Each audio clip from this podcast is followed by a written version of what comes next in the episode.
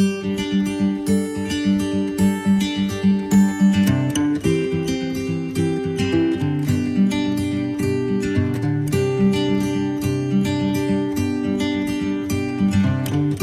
semuanya, sekarang gua lagi pengen ngobrolin tentang relationship di umur 25 tahunan ke atas ya. Berhubung ini teman-teman gua cowok semua, jadi kita kita akan bakal ngomongin ini dari perspektif cowok ya. Jadi eh, pertama mungkin ya yang harus gua bahas di sini eh, sebenarnya apa sih yang mau lo lakuin di umur 25 ini terkait relationship? Ya menurut lo? Eh, apa ya? Kalau misalnya dari segi pengalaman ya pengalaman dari teman-teman gua gua sih karena emang terkadang eh tipe orang beda-beda ya. Dan kalau misalnya terkait relationship dan eh, pandangan dari segi cowok itu lebih pada hmm, tergantung faktornya sih. Macam-macam kan ada yang LDR ada yang enggak itu kan ada yang oke relationship di sini berarti Ya, tentang ini hubungan percintaan ya untuk lelaki di usia 25-an nah, ya. kita harus mengkerucutkan dulu biar ya biar jelas. Mm-mm. kalau menurut pandangan gua sih ya jadi terkait eh, relationship di umur kita nih di umur sekitar 24 25 26 ke atas itu lebih pada hal yang mm, saling eh, apa ya saling mengerti satu sama lain. Dan itu udah mengarah pada tahap yang lebih serius dibanding dengan eh, zaman-zaman kita SMP SMA ataupun kuliah-kuliah semester-semester awal. Gitu sih. Sementara. Jadi eh, menurut lo dan mungkin lo ngelihat dari teman-teman lo juga ya kan di umur 24, 25, 26 biasanya cowok ini menurutmu ini udah berpikiran serius dalam menjalani hubungan gitu kan? Iya kebanyakan iya walaupun Kebanyakan emang gitu. ada sebagian yang masih eh, suka main-main tapi kebanyakan sih udah ke arah serius kalau dari penelusuran teman-teman gua sendiri sih Mungkin teman-teman cowok, teman-teman lo yang cowok-cowok banyak yang udah serius di umur segini. betul sekali kalau dari gue sendiri nih mungkin eh, temen gue justru malah banyak yang eh, belum ya gue nggak tahu sih eh, beberapa ya ada yang udah serius mau menikah ada tapi ada juga yang kayak masih karena targetnya masih panjang jadi dia ya berrelationship ya dianggap ya udah jalanin aja dulu gitu kan. Ya mungkin ada perspektif lain gitu karena perspektif gua sama Dimas pun dari segi teman-teman kita kan berbeda juga kan Eh, mungkin Bimo ada tambahan lain gitu? Kalau tentang sebuah hubungan di usia di atas 25 ya ini dari apa yang udah saya lihat ini kebanyakan orang udah mulai menentukan pilihannya bakal ke mana. Dan dari di satu sisi mereka udah pada serius udah mulai serius dengan menjalin sebuah komitmen di antara satu sama lain Eh, ini kita ngomongin sudut pandang cowok ya Iya, sudah pandang cowok. Di teman-teman saya kan kayak gitu lingkungannya. Jadi ke- eh, mereka udah mulai nih ya umur segini tuh kayaknya emang udah harus eh, nentuin siapa yang bakal jadi pasangannya kelak. Jadi ya tinggal saling percaya, komitmen, udah itu aja sih. Karena kalau untuk pacar-pacaran yang kayak waktu ABG ABG zaman dulu sih kayaknya udah nggak zaman lagi sih udah di usia 25 jadi kalau usia 25 ini kalau misalkan cowok dituntut buat dituntut cewek buat ayo dong nikahin gua itu sebenarnya tidak jadi masalah atau sebenarnya malah masalah juga buat si cowok? Wow ini kira-kira ada ya. pandangan yang bisa menjawab ini nggak nih sebagai cowok-cowok di sini? Ya sebenarnya kalau ditanya soal kalau ada pasangan udah nanya kayak gini ya mau nggak mau kita juga harus jawab kan sebagai cowok. Ya tentunya kalau kita udah berani bilang ya kita harus lakuin. Kita harus berjuang harus berusaha kan. Karena kan eh, cewek juga pasti butuh kepastian. Dan kita kalau misalnya emang belum udah katakan aja belum. Tapi kalau emang iya ya udah katakan. Tapi di sisi ini jalan tengah yang bisa diambilnya itu tetap kita itu saling komunikasi satu sama lain. Kita harus tahu dulu kalau kita nikah tahap selanjutnya apa? Jangan sampai cewek maunya nikah itu biar statusnya berubah doang. Kan banyak nih fenomena-fenomena sekarang mereka pada buru-buru nikah cuma bau buat eh, story-story di IG atau WhatsAppnya doang. Pamerin bilang ini lo aku udah nikah di usia segini. Kamu ka- kapan? Ya kan? Itu udah jadi fenomena sih jadi ya kita harus tanya dulu setelah kamu bilang begitu tahap selanjutnya apa jangan sampai nikah tapi sebenarnya belum siap secara Nah, lahir dan batin gitu kan iya. maksudnya. Oke. Oh menurut gue ya eh, dari segi eh, penelusuran lagi sebenarnya. Karena emang kadang-kadang teman-teman tuh suka curhat juga terkait gimana. Sebenarnya walaupun emang dari gue sendiri jarang nanggepin yang lebih serius karena emang gue sendiri sebagai orang pendengar kan cuman mendengarkan gimana cerita-cerita mereka. Jadi mereka suka bilang sebenarnya kalau misalnya cewek itu minta pengen cepet-cepet. Itu ada dua kemungkinan.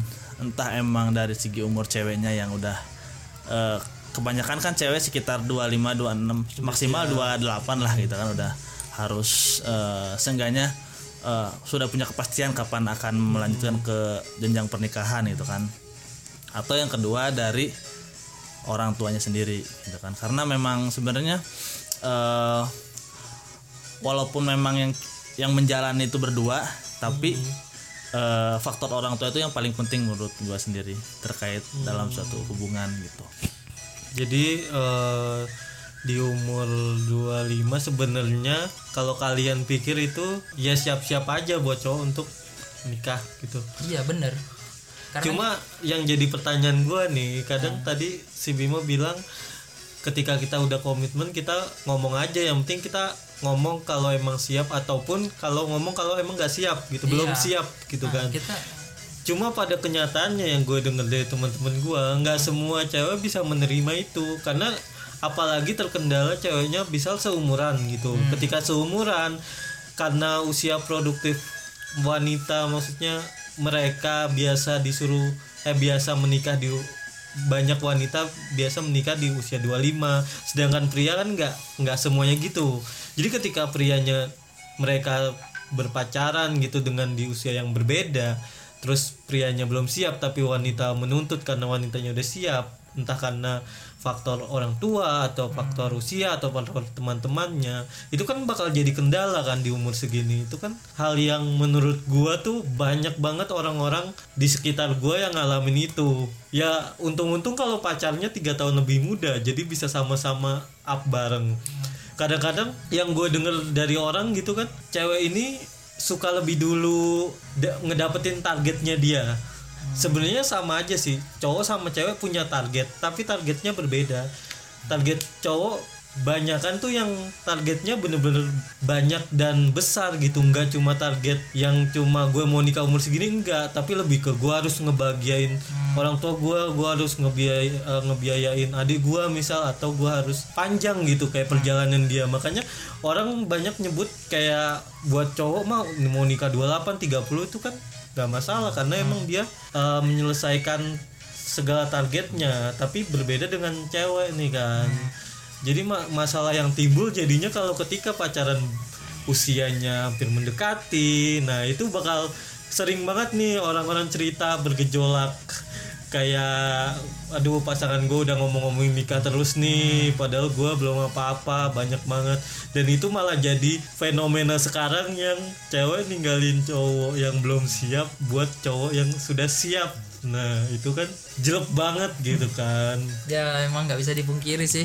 Itu udah udah bukan rahasia umum lagi sih ya makanya kalau kita sebagai cowok ya kalau kita emang udah bersedia ya udah kita harus terima konsekuensi yang apa bakal terjadi ke depannya. Konsekuensi artinya ya ya itu. lepas pun iya oke. iya oke. Iya kan? walaupun sakit ya. Iya meskipun ya kira-kira kalau kau ada di posisi seperti itu gimana? Lu sakit bener. nggak?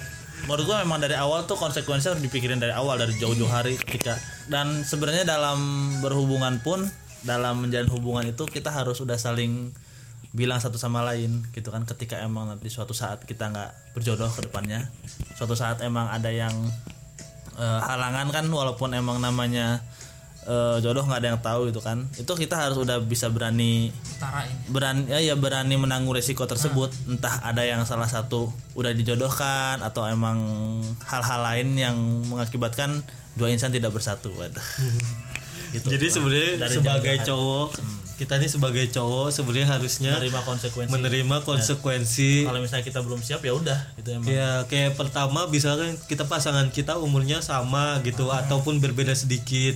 Kemudian mereka menuntut kita untuk menikah dan kita nggak siap kita harus sebenarnya mungkin pertamanya negosiasi dulu kali ya. Ya, kalau emang nggak komunikasi ya. nah, komunikasi. Kalau emang udah nggak bisa ya ya gimana ya? Dibilang Iya. pasrah ya gimana?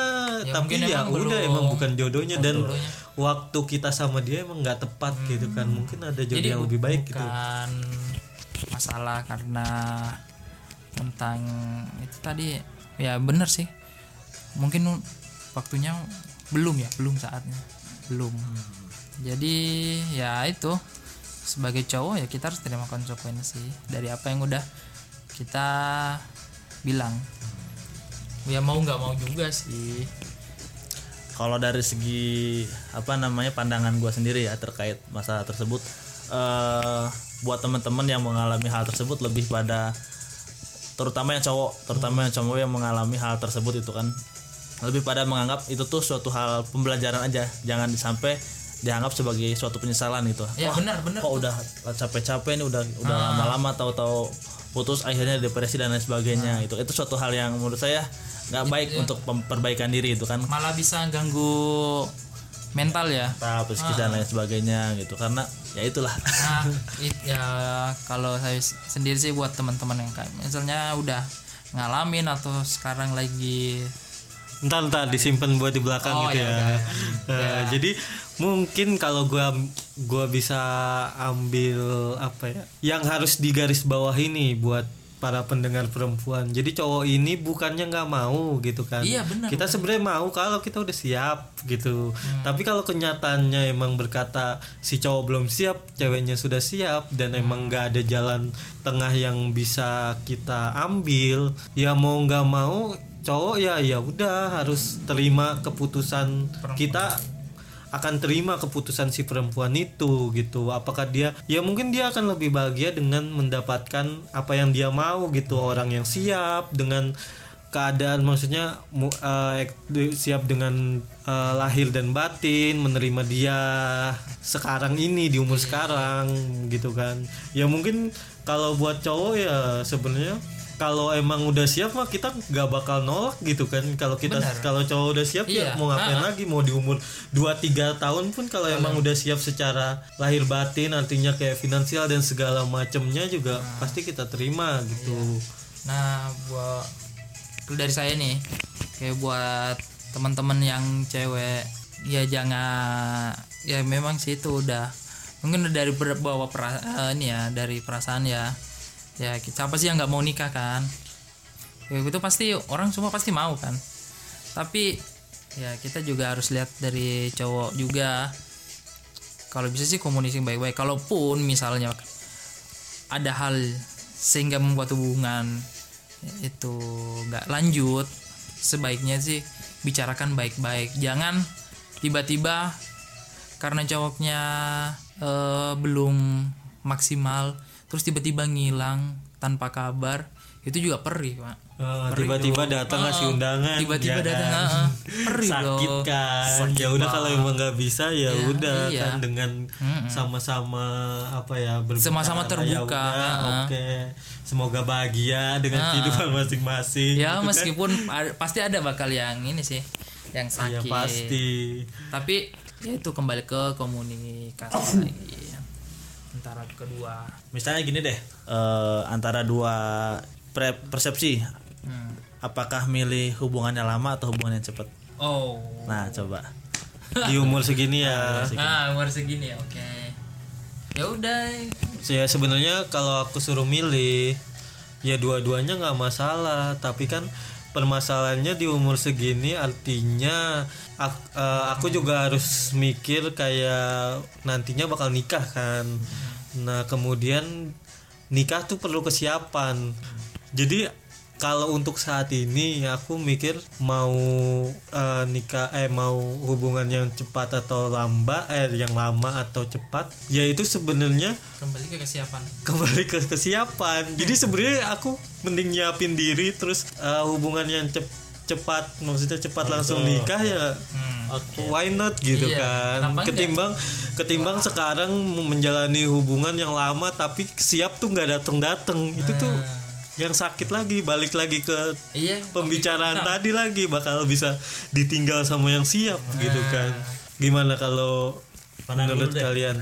Kalau pandanganku sih gini ya sebenarnya kalau misalnya dalam suatu hubungan itu eh, nggak semuanya serba instan gitu kan. Karena emang kita harus eh, istilahnya puzzle itu kita harus saling saling menyatukan puzzle masing-masing itu bukan hal yang cepet. Kalau aku sih berpikirnya kayak gitu. Dari segi gimana cara kita menyikapi keadaan bareng-bareng dari cara kita menyikapi kapan yang satu lagi sepanang yang satu lagi slow itu kan butuh waktu sih menurutku. Makanya aku terkadang suka sangat takjub sama teman-teman yang bisa dalam tanda kutip suka ta'aruf dan lain sebagainya gitu kan. Entah itu ta'aruf ataupun eh, cuman hanya butuh waktu sebulan dua bulan setelah itu langsung nikah itu sangat eh, sangat inilah sangat sangat kagum sangat kagum. Karena itu menurut saya sendiri suatu hal yang bisa di posisi seperti belum bisa itu. seperti itu. Karena butuh penyesuaian butuh banyak adaptasi terkait bagaimana eh, tahu karakteristik dari eh, pasangannya itu sendiri gimana caranya kita untuk eh, saling menyatukan puzzle lah istilah itu bukan suatu hal yang gampang.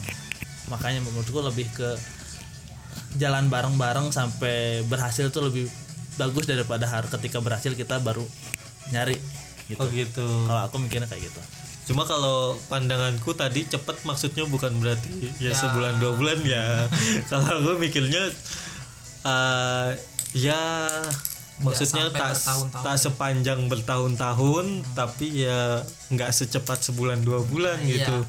Karena kan nyiapin nikah aja panjang Ya. bos. Iya bener sih bener bener jadi di antara keduanya nih ada yang mm, cepet ber- berdasarkan Kesiapan, kesiapan dan ada yang lama karena ingin meng- eh, mengenali mengenali lebih dalam. itu sebenarnya dua hal yang sama-sama perlu sih. Bener ba- eh, itu bagus. Itu nggak ada salah nggak ada salahnya. Ya kita memang harus tahu karakteristik kita. Jangan sampai pasangan kita kalau misalnya kita terlalu cepat kita malah nggak tahu dia itu seperti apa. Ataupun kalau misalnya kelamaan sampai bertahun-tahun itu malah kayak ini ya nyicil mobil. Lama banget. Rumah ya, lama Nyicil lama banget. Itu kasihan loh kalau untuk ceweknya. Dan untuk cowoknya juga kasihan. Ya soalnya kalau dari Kayaknya ini ya, mungkin kalau buat cowok harus tahu kapasitas diri Ah, bener. sendiri ya kan. eh, harus tahu kapasitas dirinya Jangan sampai kayak gegabah ataupun apa. Kadang kan eh, orang tanpa pikir panjang, oke lah gue ini gue gue nikahin gitu kan. Oh lu gue pacarin gitu kan. Tanpa berpikir sebenarnya fungsinya dia pacaran atau menikah nanti tuh gunanya buat apa gitu kan? Udah memikirkan lebih lanjut enggak gitu kan. makanya makanya tuh eh, sebelum mas apa masuk pada tahap itu ya kita harus tanya diri sendiri kalau udah nikah ngapain? Ngapain kan? Ya bukan semata-mata udah nikah udah status dari single menjadi udah berpasangan ya udah kelar. Enggak enggak enggak semudah itu. Sedangkan urus kakak aja lama. Iya kan? Birokrasinya lah. iya jadi harus dipikirin matang-matang. Nah ini emang pikiran cowok di 25 ke atas emang nih banyak banget nih yang masuk gitu kan. Nah mau mikirin kerja gua gimana survive enggak hidup gua survive apa enggak apalagi eh, apa namanya sendiri aja kayak ngerasa pusing. Berdua pusing juga apa enggak kan itu tanda tanya sebenarnya yang harus kita apa ya kita dalami diri sendiri gitu. Gua siap enggak nih? Gue mampu enggak nih? Gua udah merasa harus apa gua harus ningkatin apa namanya ya kemauan diri dulu kepercayaan diri dulu atau bener-bener harus fokus sama diri dulu gitu kan. Jangan sampai ya ta- seperti tadi lagi gitu kan. Jangan sampai karena terburu-buru malah kita nggak tahu malah bingung sendiri ke depannya. Dan jangan juga kita kelamaan kita malah bingung mau pilih siapa. Iya iya kan? Kelamaan ini kelamaan berusaha untuk memantaskan diri gitu ya. iya malah bingung. malah nanti takutnya seneng di zona nyamannya gitu Iya. kan. Kalau udah terbiasa memantaskan diri memantaskan diri nyaman nyaman terus. Nah itu juga. Iya kan? terkadang kalau kita suka ini mungkin pandangan kita di umur yang eh, sama gitu kan mungkin oke kita sama tapi ketika misalnya kita curhat nih eh, pe- apa pengalaman saya sendiri waktu curhat sama apa teman-teman yang udah lebih tua yang lebih senior bapak-bapak gitu. Mereka suka nanya emang apa namanya faktor siap tuh dari apa sih? Mereka suka nanya gitu karena mereka mikirnya ya wis tinggal nikah toh rezeki ada yang ngatur. Terkadang orang-orang apa tua sering berpikiran seperti itu gitu kan. Nggak perlu lah misalnya kita sendiri kan emang kamu tahu kapan kamu siap? Gitu kan. Nggak ada yang tahu. Orang tua suka berpikir seperti itu gitu kan. Kalau misalnya emang apa emang sekiranya udah eh, udah yakin kenapa enggak gitu kan. Udah yakin dan sayangnya bisa inilah bisa udah bisa ngasih makan atau apa itu nggak jadi masalah. Kalau kalau kata ini kalau kata orang-orang tua kebanyakan kalau yang sering saya dengar ketika saya curhat gitu, Hmm. gitu. Nah bener sih itu juga emang bener. Mereka berbicara karena mereka sudah melakukannya. Ya gua gua ngerasa emang itu bener omongannya. Tapi keadaan kita yang muda ini kayak banyak tanda tanya gitu kan. Kayak kalau misalkan gua nggak menyalahkan seperti yang dibilang Dimas tadi kayak ya udah kita nggak tahu kapan siapnya. Ya jujur gue juga nggak tahu kapan siapnya ya sama gitu kan. Kalau udah mantep ya udah gitu kan. Cuma anak muda ya anak muda seumuran segini gitu kayak masih banyak ketakutan dalam hidupnya. Jadi karena kita tuh belum terjun istilahnya gimana ya?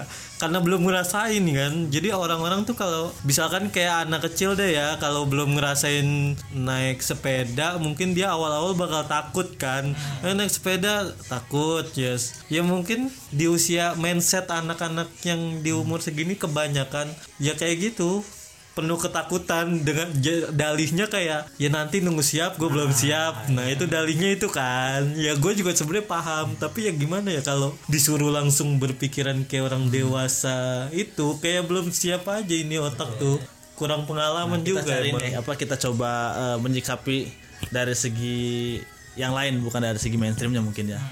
Di kita juga banyak misalnya kayak teman-teman gua sendiri yang notabene umur 24 25 cowok loh 24 25 udah berani nikah. dan akhirnya emang ke depannya jalannya bener-bener mulus. Malah bahkan ada yang keluar negeri dan udah kerja di sana dan sebagainya itu kan.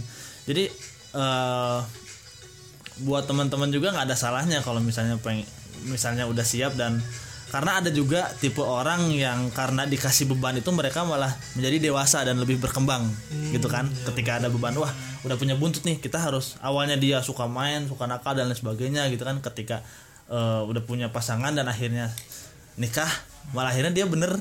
Banyak juga yang kayak gitu nggak jadi sebenarnya banyak juga pandangan-pandangan lain yang notabene ada benernya gitu. Tapi banyak juga yang belum siap buat bener.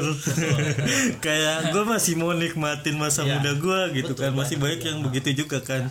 Jadi sebenarnya emang tergantung orangnya masing-masing kan. banyak ya mungkin ada yang orang udah cukup lah main gue sekarang gue harus tanggung jawab sama hidup gue hidup pasangan gue hidup anak gue kelak. Ada yang bener-bener ngerasa belum Ah, belum puas untuk main belum puas buat uh, menikmati masa muda dan takut untuk eh, tanggung jawab yang lebih besar gitu kan. Eh, yang jadi masalah ketika gue suka curhat juga nih. Kalau misalnya gua bilang ah nanti kalau misalnya nikah cepet gue nggak bisa main ke mana nggak bisa main dong. Pertanyaan lagi emang nikah tuh menghambat main kita? Itu loh kadang-kadang suka dijawab sama orang-orang yang udah nikah. Ternyata tuh mereka tetap bisa main malah kadang-kadang lebih enak main berdua lebih jelas dan yang berpikir bahwa itu eh, apa namanya menghindari dalam tanda kutip kayak zina gitu kan. Kalau orang-orang yang ini kan lebih enak lah lebih lebih ini lebih apa lebih di diridoi gitu katanya kalau misalnya. Ya tapi itu kan standarnya kayak dia dan pasangan bukan main dengan teman-teman lain. Istilahnya kayak bersosialisasi. Beberapa temen gue pun yang udah nikah muda yang yang gak nikah muda ya dua empat dua lima ya. Yang ngerasa apa ya mau diajak pergi juga pasti ada pikir tanggung jawabnya ada ada istri gua ada anak gua. Ya ada beberapa juga yang enggak sih yang santuy. Tapi kan nggak bisa sering-sering gitu kan. Berbeda dengan yang masih single gitu kan. Kayak misalkan cowok di usia 25 yang masih single diajak ke mana-mana juga oh, it's, okay gitu. Nggak ada yang bakal bisa ngelarang gua gitu kan. Kayak bebas. Sementara kalau yang udah nikah ya ada juga sih yang bebas. Juga yang juga harus mikir keluarga lah ya. Itu kan karena bebannya dia semakin besar gitu. Cuma emang nggak ada yang nggak ada masalah. Balik lagi emang ke individu. Lu mau gimana? Lu mau di usia segini mau men- menanggung tanggung jawab. Kan kayak tanggung jawab banyak ya. Bisa juga tanggung jawab sama orang tua tanggung jawab sama diri sendiri tanggung jawab sama pasangan. Ya, itu kan gimana cara masing-masing menyikapi itu dan mengambil jalannya gitu. Eh, menarik sekali. Jadi sebenarnya awalnya kita mau ngomongin relationship di umur 25-an sampai ke arah menikah. Mungkin eh, obrolan-obrolan kita yang tadi ada yang baik-baiknya bisa diambil, yang buruk-buruknya bisa dibuang, yang menurut kalian eh, tidak sesuai sama kalian nggak masalah, yang menurut kalian sesuai sama kalian nggak masalah, yang terpenting buat kita ini eh, menurut gua ya nggak usah lihat orang lain deh. Menurut gua kayak lu percaya sama diri lu aja percaya sama pilihan lu percaya sama apa yang lu punya percaya sama apa namanya target lu ke depan karena emang setiap orang punya hal yang berbeda-beda dan itu emang mesti diselesaikan sama kita sendiri gitu kan nggak bisa dengan diselesaikan sama orang lain gitu. Nah, kira-kira ada ada nggak nih eh, kata-kata terakhir nih buat mungkin orang pendengar baik cewek ataupun cowok yang di umur segini yang lagi galau karena belum dinikah nikahin atau yang lagi galau pasangannya minta nikah terus. Kira-kira eh, menurut kalian gimana nih? Bukan menurut kalian sih emang kalian harus ngasih pandangan deh pandangan kalian ke mereka tuh. Ya ampun aku ya. Padahal aku juga butuh saran. Oh gitu Ya, ya, tapi nggak apa-apa deng. Jadi kita saya berbagi saran aja. Jadi buat teman-teman yang galau ditanyain mulu sama pacarnya tentang pernikahan kalian kembali lagi lah. Coba diskusi baik-baik dengan mereka. Apa maunya? Terus rencanain rencana kalian berdua bakal kayak gimana ke depannya. Karena nggak mudah loh. Pernikahan itu bukan cuman kalian doang tapi harus menyatukan dua keluarga yang berbeda. Dari ibumu ayahmu bapaknya ibunya itu harus disatuin. Menjadi satu per- satu persepsi. Udah udah udah satu bapaknya sama ibunya. Ada berapa orang pak? Empat orang pak? Saya dim oh masih. Iya masih ada. Dulu lah. iya ini sarannya buat saya juga sih. yang se- sekalian diresapi sama diri sendiri ya iya, udah buat cowok nih, buat cowok yang paling sebel aku sama cowok aku aja sebel sama diriku sendiri. Kalau kalian udah janji sama perempuan, kalian harus tepati itu. Kalian harus berdarah-darah tepati janji itu. Iya, ya meskipun jika pada akhirnya kalian gak berjodoh, tidaknya kalian harus bangga dengan perjuangan perjuangan kalian sendiri. Jangan eh, apa rencananya batal, kalian langsung ngedrop jangan.